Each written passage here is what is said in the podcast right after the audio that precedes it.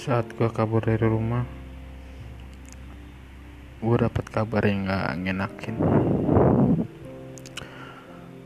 Entah firasat atau enggak tiba-tiba gue buka twitter.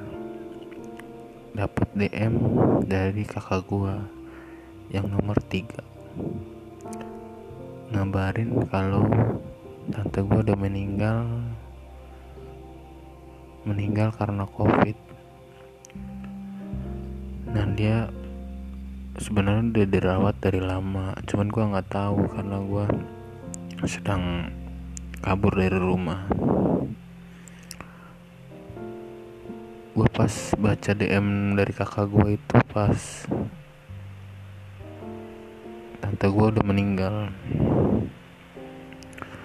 Gue nangis jadi jadinya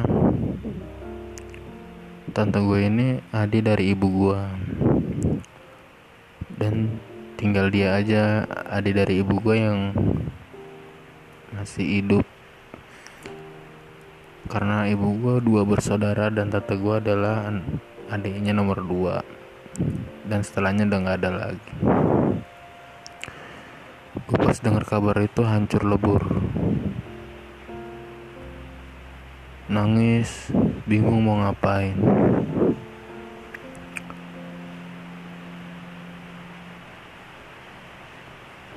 gue juga nggak tahu kalau tante gue udah diceritain apa enggak sama kakak-kakak gue kalau gue lagi kabur.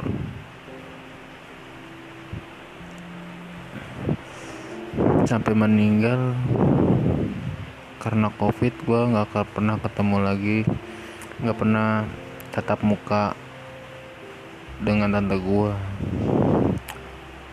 uh, sebelum dia meninggal sebelum gue kabur dia sempat main ke rumah sama suaminya dan anaknya. Cerita panjang lebar. Berturut-turut dua minggu dia ke rumah gue setelah hanya ngobrol-ngobrol aja panjang lebar ngobrol cerita tentang kehidupan. Di sini gue merasa merasa sedih banget. Terus gue sempet datang ke kuburan tante gue cuman gue nggak tahu blok bloknya di mana cuman gue tahu tempat penguburannya tempat makan umumnya aja. Gue cari ke sana kemarin nggak ketemu. Sedih banget gue